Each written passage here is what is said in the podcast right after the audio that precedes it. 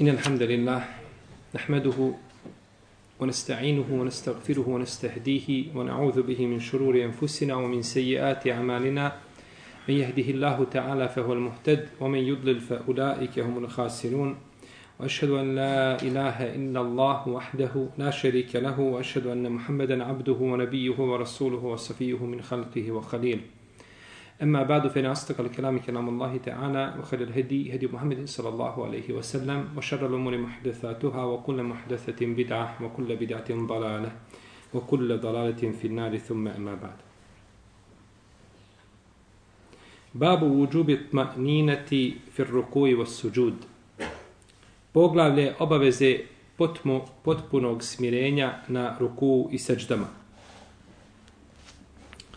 Ovo poglavlje autor je spomenuo i u njemu je naveo samo jedan hadis. Hadis Ebu Hureyre, koji je poduži i koji ima brojne propise. A mi ćemo nastojati da skratimo ovaj hadis i tako da ga završimo u jednom predavanju. Odnosno da skratimo ono što se veže za sami hadis. Autor je jednostavno spomenuo ovo poglavlje zato što se dešavaju brojni problemi i brojni propusti, bolje kazati, od klanjača kada je u pitanju ruku i srčta. Znači tu se najviše grešaka, najviše grešaka čini neupotpunjavanje rukua i neupotpunjavanje seždi. I onoga što se veže za ruku i za sežde, to jeste nakon povratka sa rukua i između dvije sežde.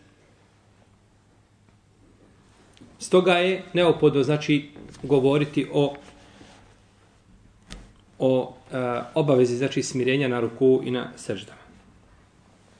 Kaže autor a nebi Hurajra radijallahu anhu أن رسول الله صلى الله عليه وسلم دخل المسجد فدخل رجل فصلى ثم جاء فسلم على النبي صلى الله عليه وسلم فقال ارجع فصلي فإنك لم تصلي فرجع فصلى كما صلى ثم جاء فسلم على النبي صلى الله عليه وسلم فقال ارجع فصلي فإنك لم تصلي.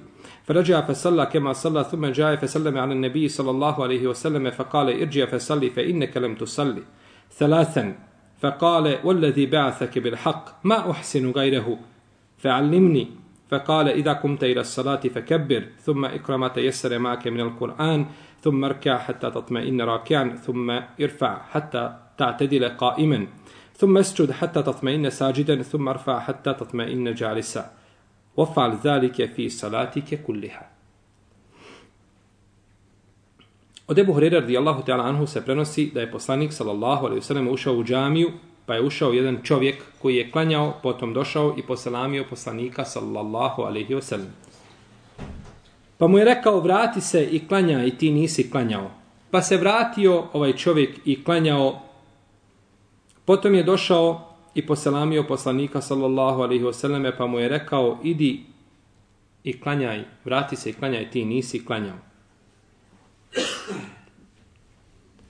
Pa se vratio čovjek ponovo pa je klanjao, pa je opet došao i posalamio poslanika sallallahu pa mu kaže idi i vrati se, klanjaj, ti nisi klanjao. Znači tri puta se desilo da ga je poslanik sallallahu alaihi sallam, vraćao. Pa mu je rekao tako ti onoga koji te poslao sa istinom, ja ne znam drugačije. Pouči me. Ja ne znam, to je ono što ja znam, pouči me. Pa je rekao poslanik, sallallahu sallam, kada ustaneš na namaz, donesi tekbir. Potom prouči ono što je jednostavno da učiš iz Kur'ana, što ti je lahko da proučiš. Potom učini ruku i potpuno se smiri na ruku. Potom se digni sa rukua dok se potpuno ne smiriš u stajaćem položaju. Potom učini seždu i dok se potpuno ne smiriš, ostani tako dok se potpuno ne smiriš na seždi. Potom digni svoju glavu i smiri se potpuno sjedeći i tako učini u cijelom svome namazu. Ovaj hadis poznat je kao hadis čovjeka koji je ružno postupio u svome namazu. Koji je ružno postupio u svome namazu, pa je nakon toga poslanik Salosrme opomenuo ga. U njemu se kaže ovdje od Ebu Horere, ušao je poslanik Dehale, Rasulullah s.a.v. el mesčid. Kada se kaže u hadisima el mesčid, misli se na mesčid poslanika sallallahu alaihi sallam, jer je to došao mesčid sa određenim članom. A kada se kaže u džamiju, misli se na džamiju poslanika, sallallahu alaihi sallam. I ovdje se kaže ušao je, pa je ušao čovjek i klanjao. To je jedna verzija hadisa. No, međutim, u drugoj verziji hadisa se kaže, Ebu Horeire kaže, sjedili smo sa poslanikom, sallallahu alaihi sallam, u džamiji, pa je ušao čovjek. Pa je ova verzija potpunija. Da su ashabi, znači, sjedili, bili sa poslanikom, sallallahu alaihi wasallam, u džami, potom je, znači, ušao čovjek u džamiju. Ovaj čovjek koji je ušao je nepoznanica. Mubhem. Tako se zove u hadiskoj nauci. Mubhem. Nepoznat čovjek. Niti je on ovdje opće šta? Bitan. On nije ravija hadisa. Bio on Ebu Bekr ili Omer ili Osman ili Ali, isto je. Propis je jedan. A ovaj čovjek koji je ušao, on se zove, on se zove Halad ibn Rafija, Zuraki. Št, kakvu korist ima od poznavanja ovoga ravije? Da se znao odakle. Da se znao odakle. Zuraki, lijepo, da se znao odakle. Nije posebna korist. U smislu da li je čovjek stalno tu ili negdje sa strane? Se mora kontrola, kontrola, kontrola hadisa da se mora izvršiti tog čovjeka. Nema on ništa sa hadisom. On, on nije bitan opće. Jer ako je negdje sa strane, znači ne, ne sreći se često. Dobro, možda je bio znači sa strane, pa nije često bio tu, nije se mogao pošti slično tome. Jedna a, od većih koristi od toga jeste prvo potvrđivanje ime ashaba. Koliko mi znamo imena ashaba? Puno je više onih kojima ne znamo imena nego onima kojima šta? Znamo. Jer ih je bilo oko 124.000 je bilo na prosom hađu. Koliko znamo? Jako se malo od toga zna. Kada bi se uzeli možda sve hadise koje prenose ashabe u hadijskim zbirkama, e, možda neće naći svega par hiljada ashaba da prenose hadise. I neki možda par hiljada koji ne prenose, a gdje su ostali, gdje su nam imena? Znamo ime i druga stvar, ovim se može potvrditi kada je čovjek primio islam. Jel u redu? Zna, da se primi, da se potvrdi, ne da se kada je primio islam, nego znači da se precizira da je u tome vremenu taj aslab bio šta? Musliman, primio je islam u tom vremenu. Znači, to bi mogle biti nekakve koristi ili koje se navode. Pa je ušao, no međutim, kaže se u jednoj predaji, poslanik je, sallallahu sallam, sjedio sa ashabima. Pa je ušao ovaj čovjek. Pa se poslanik, sallallahu sallam, ostavio ashabe i okrenuo se njemu i posmatrao. ga. Kako klanja? Dobro, Ovdje imamo skupinu ashaba i to je džematska korist. A na drugoj strani imamo jednog čovjeka. Zbog čega se ne daje prednost džematu nad jednim čovjekom? Zato što nama stup. Zato što nama stup. Dobro, možda je poslanik sa sam pričao ovim ljudima o akidi. Iz razloga što je ovaj čovjek, kada se okrenuo poslanik sa i posmatrao njegov namaz, je li to u isto vrijeme dersi i ashabima drugim? Svakako. I oni će se okoristiti. I oni su nam prenijeli taj hadis, nije nam ga prenio Halad. Ko nam ga je prenio? Ebu Horeire kaže, dok smo sjedili sa poslanikom, sa samom džami, ušao čovjek, ko nam je prenio hadis? Pa Ebu Horeire nam prenio hadis. Od prisutnih, znači. Pa je to ders nije samo ostavljanje, znači, kolektivne koristi radi individualne, nego je opet se vraća šta korist na cijeli umet. Jer sve što se prenese od poslanika, sallallahu alaihi sallam, biva korist. Pa je bila njima korist, I pored toga je bila je korist za cijeli umet do sudnjega dana. Pa s te strane, znači, nema nikakve problematike u tome što je poslanik sa osaname, znači, obratio se ome čovjeku ili njemu posvetio posebnu, posebnu pažnju. Što se tiče vađiba u namazu, oni se dijele na, u dvije vrste, uh, shodno eh, podijeli sa ovoga aspekta. A to je vađibi na kojima su se složili islamski učenjaci i vađibi na kojima se nisu složili, kod kojih postoji kod koji postoji razilaženje. A ovaj hadis nije nikako ciljao, znači da ograniči sve vađibe, nego je poslanik sallallahu alaihi wasallam potencirao na vađibe kod koje nije halad upotpunio. Koje nije halad upotpunio. I mnogi fakihi kažu ono što nije spomenuto u ome hadisu, to se ne smatra vađibom. A ovaj hadis ne tretira nikako pitanje sunneta, po konsensu Leme. Znači nije poslanik sa osaname govorio mu ovdje o sunnetima. Dalje imamo nijet, a on je rukn, odnosno šart čega? Namaza. No međutim, je li spomenut nije to ome hadisu? Nije spomenut. Sjedenje na zadnjem tešehudu je vađib. Govorimo o sjedenju. Nije spomenuto. Poredak samih ruknova nije do kraja znači spomenut taj poredak, a on je isto tako vađib, oko koga se slažu islamski učenjaci. Zadnji tešehud, učenje na tešehudu. A, salavat i selam na poslanika, sallallahu alaihi vseleme, oko toga se ulema razilazi. Imam Šafija kaže da je to vađib. I mnogi ulema je ovaj, a, kazala da je vađib da je vađib selam u namazu, da je selam u namazu vađiv. I tešehud isto tako. Pa se znači razilaze, dok kod imama e, šafije ima mišljenje da je da treba čak je nijet znači za izlazak iz namaza. Znači kad hoćeš da preselamiš, da kako si ušao u namazu, imao nijet pri ulasku, da imaš tako šta i pri, i pri izlasku. Ima Mahmed smatra čak i prvi tešehud vađibom. I isto tako zikrove na ruku i na seždama i one tekbire prelazne, kad se prelazi sa rukna na rukn, to ima Mahmed smatra vađibom. Pa je poslanik sa osanom pojasnio ono što ashab nije uradio kako treba, a ostalo mu šta nije? Nije pojašnjavao. Ako nam se potvrdi određenim šerijatskim dokazom da je određena stvar vađib, dužnost je da je prihvatimo kao takvu, osim ako dođe jači ili jasniji argument koji ukazuje da nije vađib. Koji ukazuje da nije vađib. Pa ako u ovome hadisu određene stvari nisu spomenute, a došao drugi hadis koji spominje, onda smo dužni da uzmemo šta? Drugi hadis koji spominje. I na takav način sunnetu potpunjava, jedna verzija potpunjava drugu. A ako bismo uzeli samo jednu predaju, onda bi to bilo pogubno. Onda ne bismo shvatili dosta toga što se željelo kazati. Ako pogledamo ovo svatanje islamskih učenjaka, da sve što je spomenuto u hadisu da je to vađib, a mimo toga nije, onda se za to vežu određeni propisi. Ili vežu, vežu, vežu, vežu se određeni zaključci. Kao da i kamet nije vađib, jer i kamet nije šta? Spomenut. I kamet nije spomenut.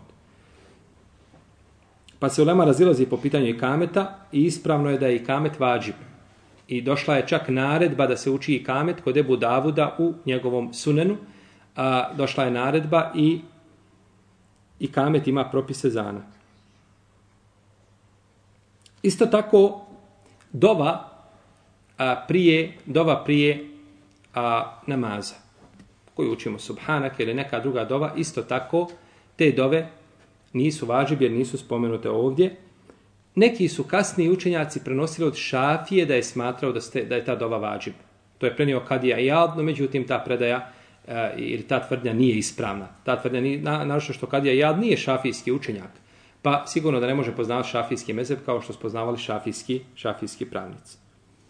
Isto tako, ovdje nije spomenuto a, euza, prije znači učenja Kur'ana, niti je spomenuto dizanje ruku pri početnom tekbiru, niti je spomenuto stavljanje desne po lijevoj, niti su spomenuti tekbiri za prelaz sa rukna na rukn, niti spomenuti ovaj zikrovi na ruku i na seđdama, niti je spomenut način sjedenja, niti je spomenuto da se stavljaju ruke na stegna na sjedenju i slično tome. Što se jeli ne bi tretiralo onda vađibom. Neki učenjaci dokazuju malikijski da tešehud nije vađib zato što nije spomenut ovdje. No međutim, ako nije spomenut ovdje hadisu, spomenut je šta? Spomenut je u drugim hadisima. Hanefijski učenjaci iz ovoga hadisa izlače zaključak da selam nije obaveza. Kod hanefijskih učenjaka nije predavanje selama ruk namaza. A to kada bi čovjek proučio na kraju ili sjedio koliko je kod nje, kada bi sjedio koliko je dužina te šahuda, ne moraš čak ni učiti. Zato sam ovdje spominjao, braćo, ako ste, znači, pomno me pazili, sjedenje na te šehudu i te šehud. Pa smo to razdvojili. Sjedenje, jer hanefijski učenjaci kažu, kada bi sjedio čovjek na te šehudu, koliko treba da prouči, to je to. I nakon toga, kada bi izgubio abdest, njegov namaz bio šta? Potpuno. Time bi prekinuo namaz i to je potpuno. Ne bi, znači, ne uslovljavaju šta? Ne, ne uslovljavaju selam. Ne uslovljavaju selam. No, međutim, imamo jasne argumente koji ukazuju, znači, da je početak namaza selam, a da je početak namaza tekbira, da je njegov kraj, njegov kraj selam.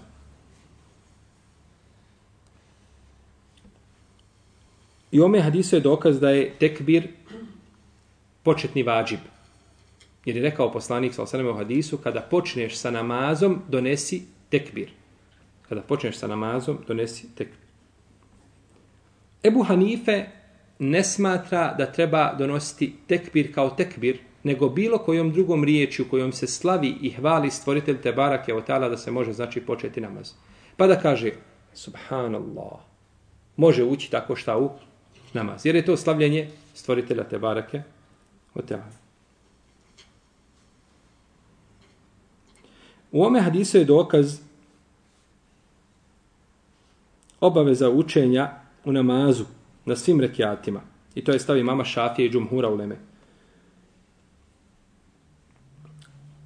No međutim, ovdje nije spomenuta Fatiha u ovome hadisu. Ha. Nego se kaže, uči šta iz Kur'ana, ono što ti je lahko da učiš. No međutim, učenjaci četiri pravne škole obavezuju na učenje Fatihe. Obavezuju na učenje Fatihe. Osim što je Ebu Hanife učinio da ona vađib, nije znači fard, nego je vađib. Sodno podjeli kod hanefijskih učenjaka, znači razlici između podjeli, znači obaveze na fard i na vađib, kao što su podjelu ovaj zabrane isto tako podijelili. Kaže Kadija i Jad da se prenosio Dali ibn Abi Taliba i Rebije i Muhammeda ibn Abi Safre i neki uh, sledbenika imama Malika da su smatrali da učenje Fatihe nije obavezano. Međutim, ovaj rivajet je slab. Jer malikijski učenjaci imaju tri stava po pitanju učenja Fatihe. Koji imaju u samom mesebu imaju tri mišljenja. Prvo, da je učenje Fatihe obavezno na svakom uh, ovaj rekiatu kao džumhur, da treba na većinskom dijelu rekiata, znači ako je akšam tri, ili ili neki drugi namaz, ako akšam dva, ako je neki drugi namaz tri. Uh, I treće je da treba bar na jednom rekiatu. Da treba bar na jednom rekiatu.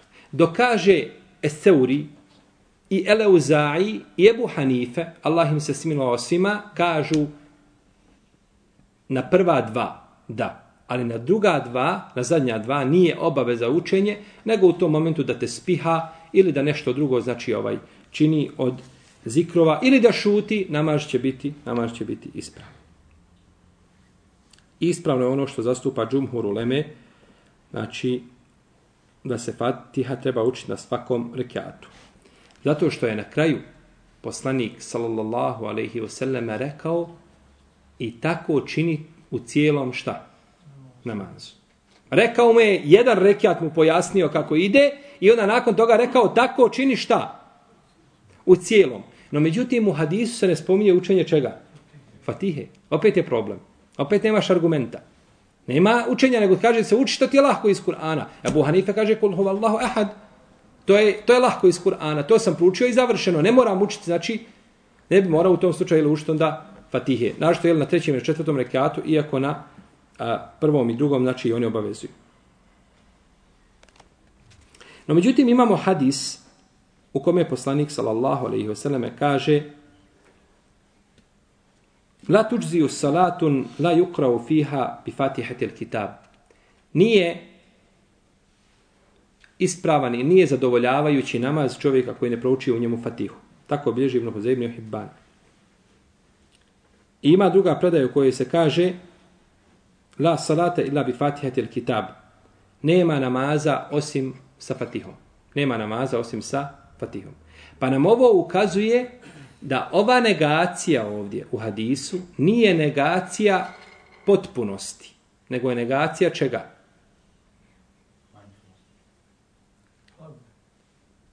Molim? Pa rekao sam. Negacija nije negacija manjkavosti, nego negacija ili potpunosti. Nego negacija osnove ispravnosti. Ha, nećemo reći tvoj namaz je nepotpun, Nećemo reći svoj namaz je manjka ili krnjav, nego kažemo tvoj namaz je u osnovi šta? Neispravan zato što nisi proučio fatihu. I ovdje, kada se spomene uči ono što ti je lahko iz Kur'ana, može se naučiti, nauč, može se odnositi na učenje onoga što je mimo Fatihe. Jer je došao hadis koji ima dobar lanac prenoslaca kod Ebu Davuda, da je poslanik sallallahu alejhi ve sellem rekao, Potom prouči ono što ti je lahko učiti iz Kur'ana. Prouči Fatihu i potom prouči ono što ti je lahko učiti iz Kur'ana. Pa je podijelio poslanik sallallahu alejhi ve ovdje u hadisu i odvojio je između učenja Fatihe i čega? Onoga što je lahko učiti iz Kur'ana. A u predaji Ebu Sejde al-Hudrija kaže, naredio nam je poslanik sa osaname da učimo Fatihu i ono što nam je lahko učiti iz Kur'ana. I predaj ima dobar lanac prenosilaca.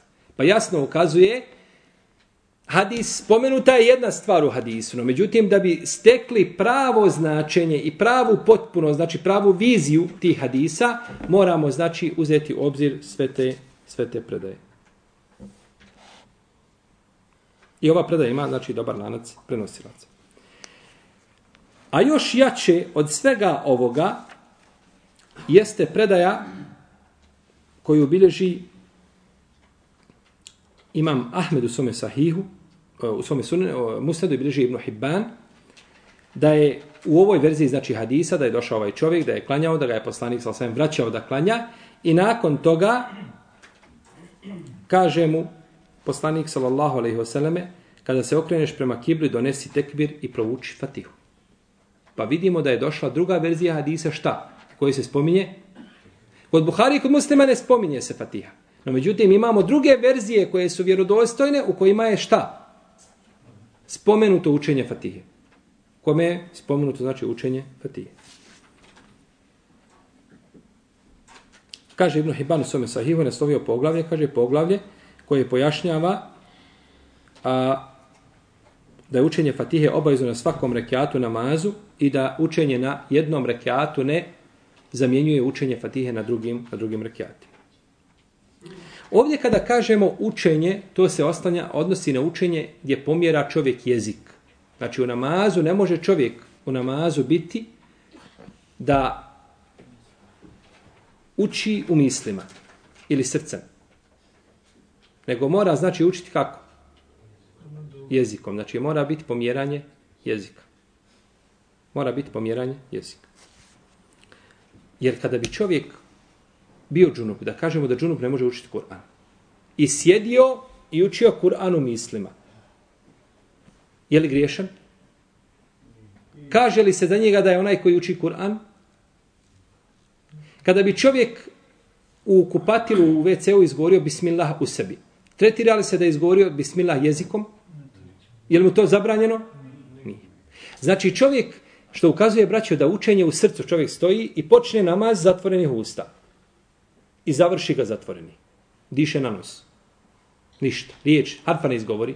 Takav namaz je batil. On ništa učio nije. To učenje srcem ili mislima, to nema ibrata i nema pouke. To se znači ne uzima u obzir. Mora biti pomjeranje jezika. To se tretira u šerijatu, pomjeranje jezika. Tako da učenje znači srcem ili mislima ne koristi. Imam Šafija smatra da je učenje Fatihe u ovom slučaju obavezno i za imama, i za muktediju, a i za klanjača koji klanja pona osob na svim namazima, svim rekiatima i o tome smo opširno govorili. O tome smo opširno govorili. U ome hadisu je dokaz o smirenju, obavezno smirenju na ruku, da je obavezno smiriti se znači na ruku. Kada bi čovjek učinio ruku i samo otišao na ruku i digao se. On je učinio ruku u jezičkom smislu. I to neki učenjaci dokazuju riječima Allaha te barake od Teala gdje se kaže irka uvos čudu, učinite ruku i sežde. Kažu, ruku je sve što učini, samo dok se učini ruku ili sežda, to je učinjeno. Međutim, ispravno je da se mora smiriti, jer jasno hadis ukazuje nešto na obavezu, na obavezu smirenja. Isto tako, na obavezu znači smirenja nakon dizanja sa rukua. Ovi učenjaci kažu spomenuto je ruku i sežde u Kur'anu, ali nije spomenuto šta ništa mimo toga. Pa kada bi čovjek učinio ruku i samo se malo digao i odmah otišao na seždu, ne bi se smirio, ispravno je, jer, se, jer je to ruku i sežda. No, međutim, to je jezičko značenje i Kur'an je došao onako s globalnim, sa globalnim propisima, a sunnet poslanika, sallallahu alaihi sallam, to pojašnjava, pa je nužno, znači, smiriti se na, na ovome, znači, ruknu. I ome hadisu je dokaz da je obaveza smiriti se na seđdi. I riječ ili govor o seđdi je kao govor o ruku bez ikakve znači, razlike. I u njemu je dokaz da se treba smiriti klanjač između dvije seđde. Između dvije seđde, rekao poslanik, sam potom se digni s prve seđde i potpuno se smiri.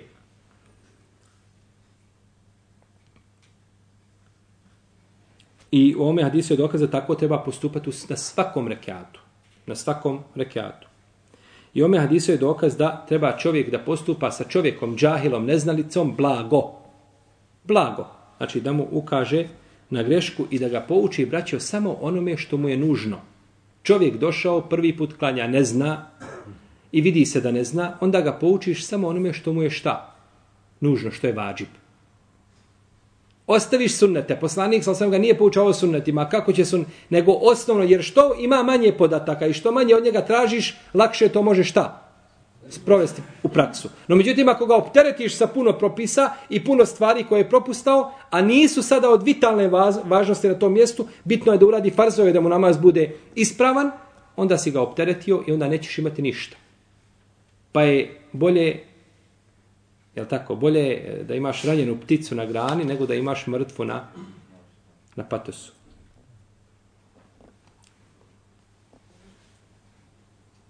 Dalje, kaže kad je jad od, od malikijskih učenjaka, u ome hadisu je dokaz da ako čovjek neznalica uradi nešto, eh, treba ga opomenuti. I da kada ga opomeneš kada to radi, to ne znači da si ga podržao u onome što je učinio. Možda je to čovjek uradio i zaborava i slično tome, pa znači opomene se da bi drugi put uradio tu stvar na ispravni način. I ome hadisu je dokaz da je pohvalno ponoviti selam kada se dvojica ljudi nalaze blizu. I da ne mora biti ono što je spomenuto u hadisu kada se dvojica ljudi sastanu, pa idu, pa ih razdvoji drvo ili kamen, neka se šta? Poselame. Nije to znači uvjetovano čime? Ovim hadisom. Ovim hadisom čovjek je došao, klanjao poslanike, on vidi ga, vrati se nazad po selami, ponovo se vrati i tako je, znači, dolazio nekoliko puta, pa ne mora, znači, biti nužno odvajanje, znači, da razdvoje ljude nešto, nego samo da se malo udali, opet može poselamiti, u tome nema nikakve smetnje. I u njemu je dokaz da treba odgovoriti na selam. Treba znači odgovoriti na selam. No, međutim, je to spomenuto u ovoj predaj. Jeste čuli o hadisu da je rekao poslanik sallam alaikum selam? Molim? Nije, to nije spomenuto znači u ome hadisu, ali je došlo u vjerodostojnoj predaj kod muslima da mu je odgovorio na selam. Pa vidimo, braćo, koliko je bitno da, da spajamo predaje. Da ne uzimamo jednu predaju, to smo više puta spomenuli. Uzeti jednu predaju i raditi po njoj, ponekad može biti problematično i može znači a, a, čovjek da radi suprotno onome što je sa hadis htio. Ili da ostavi na imu ruku a, dio sunneta ili vađiba koji su došli znači od poslanika sallallahu alaihi wa alaihi wa sallam. Ili da odgovori jel na selam wa alaike selam ili wa alaikum selam. Ovaj pustinjak je više puta nazivao poslaniku sallallahu alaihi wa sallam selam radi bereketa. Radi bereketa selama kao što je bio slučaj sa Sadom kada je došao poslanik sa osam kod nje kući, pa je tražio dozvolu za ulazak, pa je šutao samo da poslanik sa osam što više puta nazove selam radi bereketa.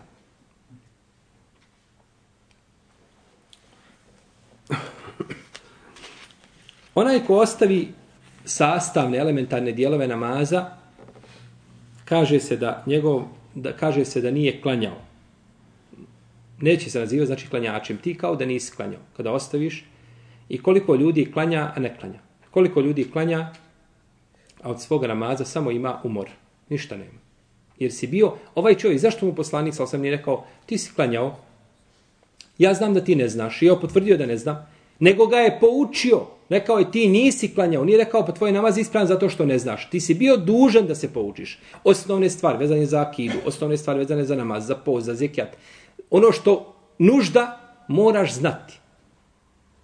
Naročito ako dođeš u situaciju da ne možeš, u namazu ne možeš nikoga pitati. Ti kada pogrešiš u namazu, napraviš grešku, ne možeš uzeti telefon i nazvati šeha i pitati kakav je propis po pitanju sehvi sežde. Nego moraš to poznati, to se mora poznavati. Bar osnovni oni globalni propisi, znači koji se tiču a, jeli, tih ibadeta kojih čovjek ne može, koji ne može pitati u potrebnom momentu.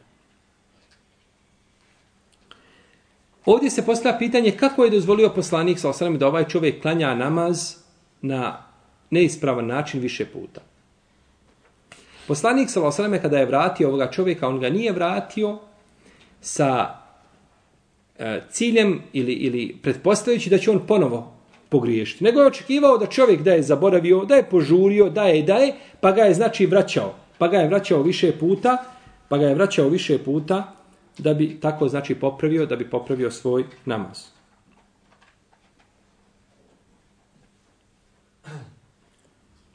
Dalje, čovjek koji ne zna, treba pitati onoga ko zna. Onaj ko ne zna, treba pitati onoga ko zna i treba kazati da ne zna. Ne znam, nisam znao taj propis, pouči me, kaži kako, kako ide. Isto tako dozvoljeno je čovjeka posmatrati kako klanja da bi čovjek nakon toga znači mogao mu dati savjet ili nasihat i to ne ulazi nikako u uhođenje. Čovjek je ušao da klanja i gledaj ga. Posmatraš ga kako klanja i nakon toga ako pretpostaviš da bi mogao klanjati na neispravan način, da mogao imati propusta u svome namazu, da ga posmatraš i da ga nakon toga nasavjetuješ, nema nikakve smetnje. Nema o tome nikakve smetnje. Niti se to tretira da se čovjek brine onome što ga ne zanima. Ne. Nego muslimana zanima znači stanje i hal njegovog brata muslimana. Ovdje autor kaže, u njemu je dokaz u ome hadisu, jeli, da je dozvoljeno da čovjek klanja farz pona osobu. No, međutim, ne spomenuto u hadisu da je to bio farz, čovjek je ušao i klanjao. Čovjek je ušao i klanjao. Možda bi se moglo iz drugih predaja zaključiti ako imaju jasne predaje gdje se spominje da je bio farz. Ome hadisu je dokaz da čovjek treba stajati u namazu, da je obaveza da staje, jer je rekao poslanik s.a.v. kada neko od vas želi da klanja, kada ustane na namaz, neka donese tekbir, pa je stajanje u namazu obavezno. Kod Buhari u jednoj predaji ovoga hadisa spominje se i dželsetul istiraha, poslije prvog šta? Poslije prvog sjedenja, odnosno prve sežde, da je poslanik s.a.v. digao se, učinio drugu, poslije druge sežde, znači prvog rekiata, da se digao, sjeo, smirio se i nakon toga ustao šta na drugi rekiat. Dok to nije spomenuto u ovoj verziji koju smo, koju smo naveli. I došlo u predaj kod imama Nesaije, kaže se, i ako tako učiniš, tvoj namaz je upotpunjen. A ako nešto uskratiš, onda je u njemu krnjavost. Onda je u njemu krnjavost.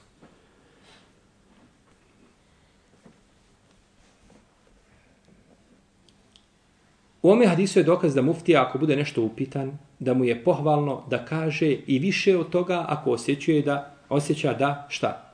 E, čovjek koji je pitao ne poznaje to. Pitao te određenoj stvari, ali ti imaš osjećaj da on ne zna ni drugo što je vezano, usko zapitano, onda je dozvoljeno čovjeku da pojasni i mimo toga. U ome hadisu je isto tako dokaz da ko želi da poselami poslanika sallallahu alejhi ve selleme kada dođe u njegovu džamiju ko želi da ga poselami da ode do kabura da poselami da prvo klanja šta? Dva rekata jer je ovaj čovjek prvo ušao u džamiju klanjao dva rekata potom došao šta? Poselamio poslanika sallallahu alejhi ve selleme pa kažu ko želi ko uđe u džamiju poslanika sallallahu alejhi selleme i želi otići do kabura da poselami Allahovog vjerovjesnika alejhi salatu ve selam neka prvo klanja šta? Dva rekata Isto tako, kada čovjek uđe u džamiju, a sjedi skupina ljudi, prvo će klanjati dva rekiata pa doći pa ih, jer je tako učinio šta? Ovaj čovjek. I ovim jedni učenjaci ovako dokazuju, poput Ibn Kaima. No međutim, kažu drugi učenjaci, ne. Ovaj hadis je dokaz nama. Prvo treba poselamiti, pa onda treba šta? Klanjati. Kako se to može biti? Kako to može biti? Prvo treba poselamiti, pa onda klanjati. Kažu, kada je došao ovaj čovjek od poslanika, sallam, nazvao mu selam. Je li mu odgovorio selam? Na selam. Jeste, došlo u predajku muslima da je odgovorio. A je li prihvatio njegov namaz? Nije. Kažu, pa je prvo došao šta? Selam, pa onda namaz. Kažu, pa vidite da prvo treba poselamiti, pa onda šta? Klanjate. Ovo je, ovo je, ovo je kranje precizno svatanje hadisa. Iako nije ispravno. Iako nije ispravno, no međutim, zaista ukazuje znači koliko su islamski učenjaci znači e, mogli da, da ulaze u dubinu šerijetskih tekstova i da iz njih vade da iz njih vade propise i da jednim hadisom dokazuju dvije dvije stvari koje su znači suprotne. Ovdje se a, izuzima samo slučaj kada bi čovjek ušao u džamiju i tebe neko poselami ili priđe ti pa ti pruži ruku ili iz daleka te zove selamu alejkum prije što klanjaš tada će šta odgovoriti nećeš klanjati pa onda odgovoriti nego tada odgovaraš jer dok ti je nazvan selam dužan si da odgovoriš na njega znači to je izuzetak to je izuzetak Pa je ovaj hadis, koga prenosi Ebu Hurere, veliki hadis. Hadis, znači, koji nosi velika značenja i u njemu su brojni propisi, kao hadis Zuljedejna. Tako je ovaj hadis. I u nama kada govori o neispravnom klanjanju i u propustima u namazu, uglavnom se spominje, znači, ovaj hadis i njime se i njime se dokazuje. Mi smo nastojali ukratko da spomenemo, znači, ono što se tiče hadisa, o čemu je Lema govorila, a da bi ovaj hadis protefsirili, znači, detaljno, sa svim njegovim, znači, osnovama i ograncima, možda bi trebalo nekoliko ovakvih dželsi. Molim Allah te barake od tala da spouči našoj vjeri sunnetu poslanika, sallallahu alejhi ve sellem i da popravi naše stanje